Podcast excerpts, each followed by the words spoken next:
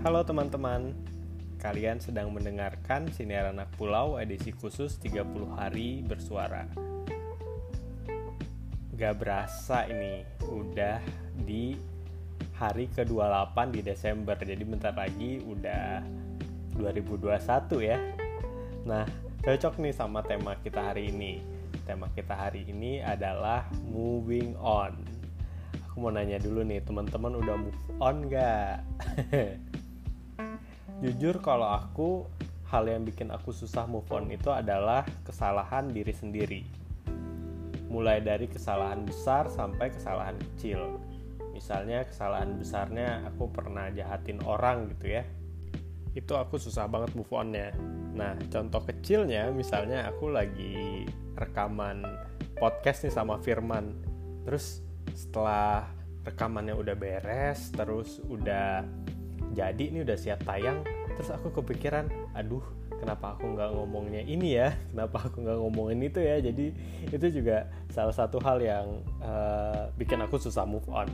Nah kadang besar kecilnya kesalahan kita ini itu juga mempengaruhi seberapa susahnya kita move on.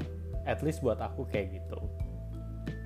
Nah setelah aku dengar beberapa podcast dan uh, baca beberapa artikel tentang move on ini, aku merangkum empat hal nih yang uh, lumayan praktikal yang bisa kita praktekkan untuk melatih diri sendiri supaya bisa move on dari uh, kesalahan yang kita lakukan di masa lalu.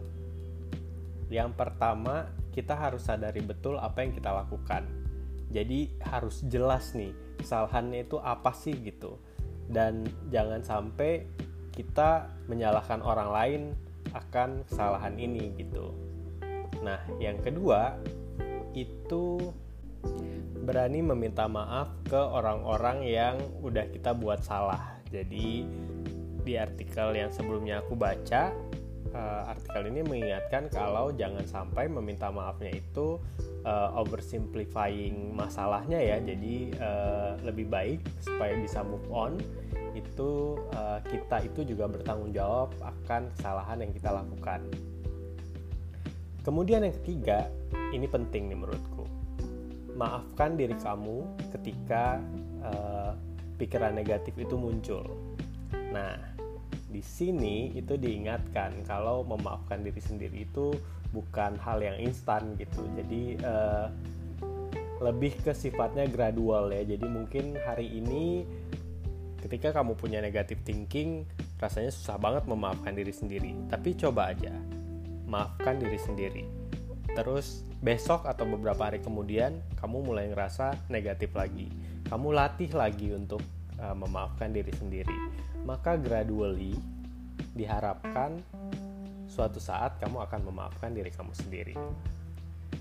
Nah, yang keempat ini adalah bersyukur karena sudah melakukan kesalahan. Nah, loh, maksudnya gimana nih? Jadi, kesalahan itu kan bikin kita belajar ya. Kesalahan itu adalah apa ya? opportunities to grow. Jadi ya it's something to be grateful for kan? Jadi itu empat hal yang uh, aku baca bisa membantu kita untuk uh, memaafkan diri sendiri dalam rangka untuk move on. Semoga aku nggak oversimplifying ya. Aku tahu it's easier said than done kadang-kadang. Cuma ya kita harus ingat kalau kita itu berhak untuk mendapatkan kasih sayang dan uh, maaf terutama dari diri sendiri. Jadi be gentle and kind to yourself. Dan terima kasih sudah mendengarkan ya.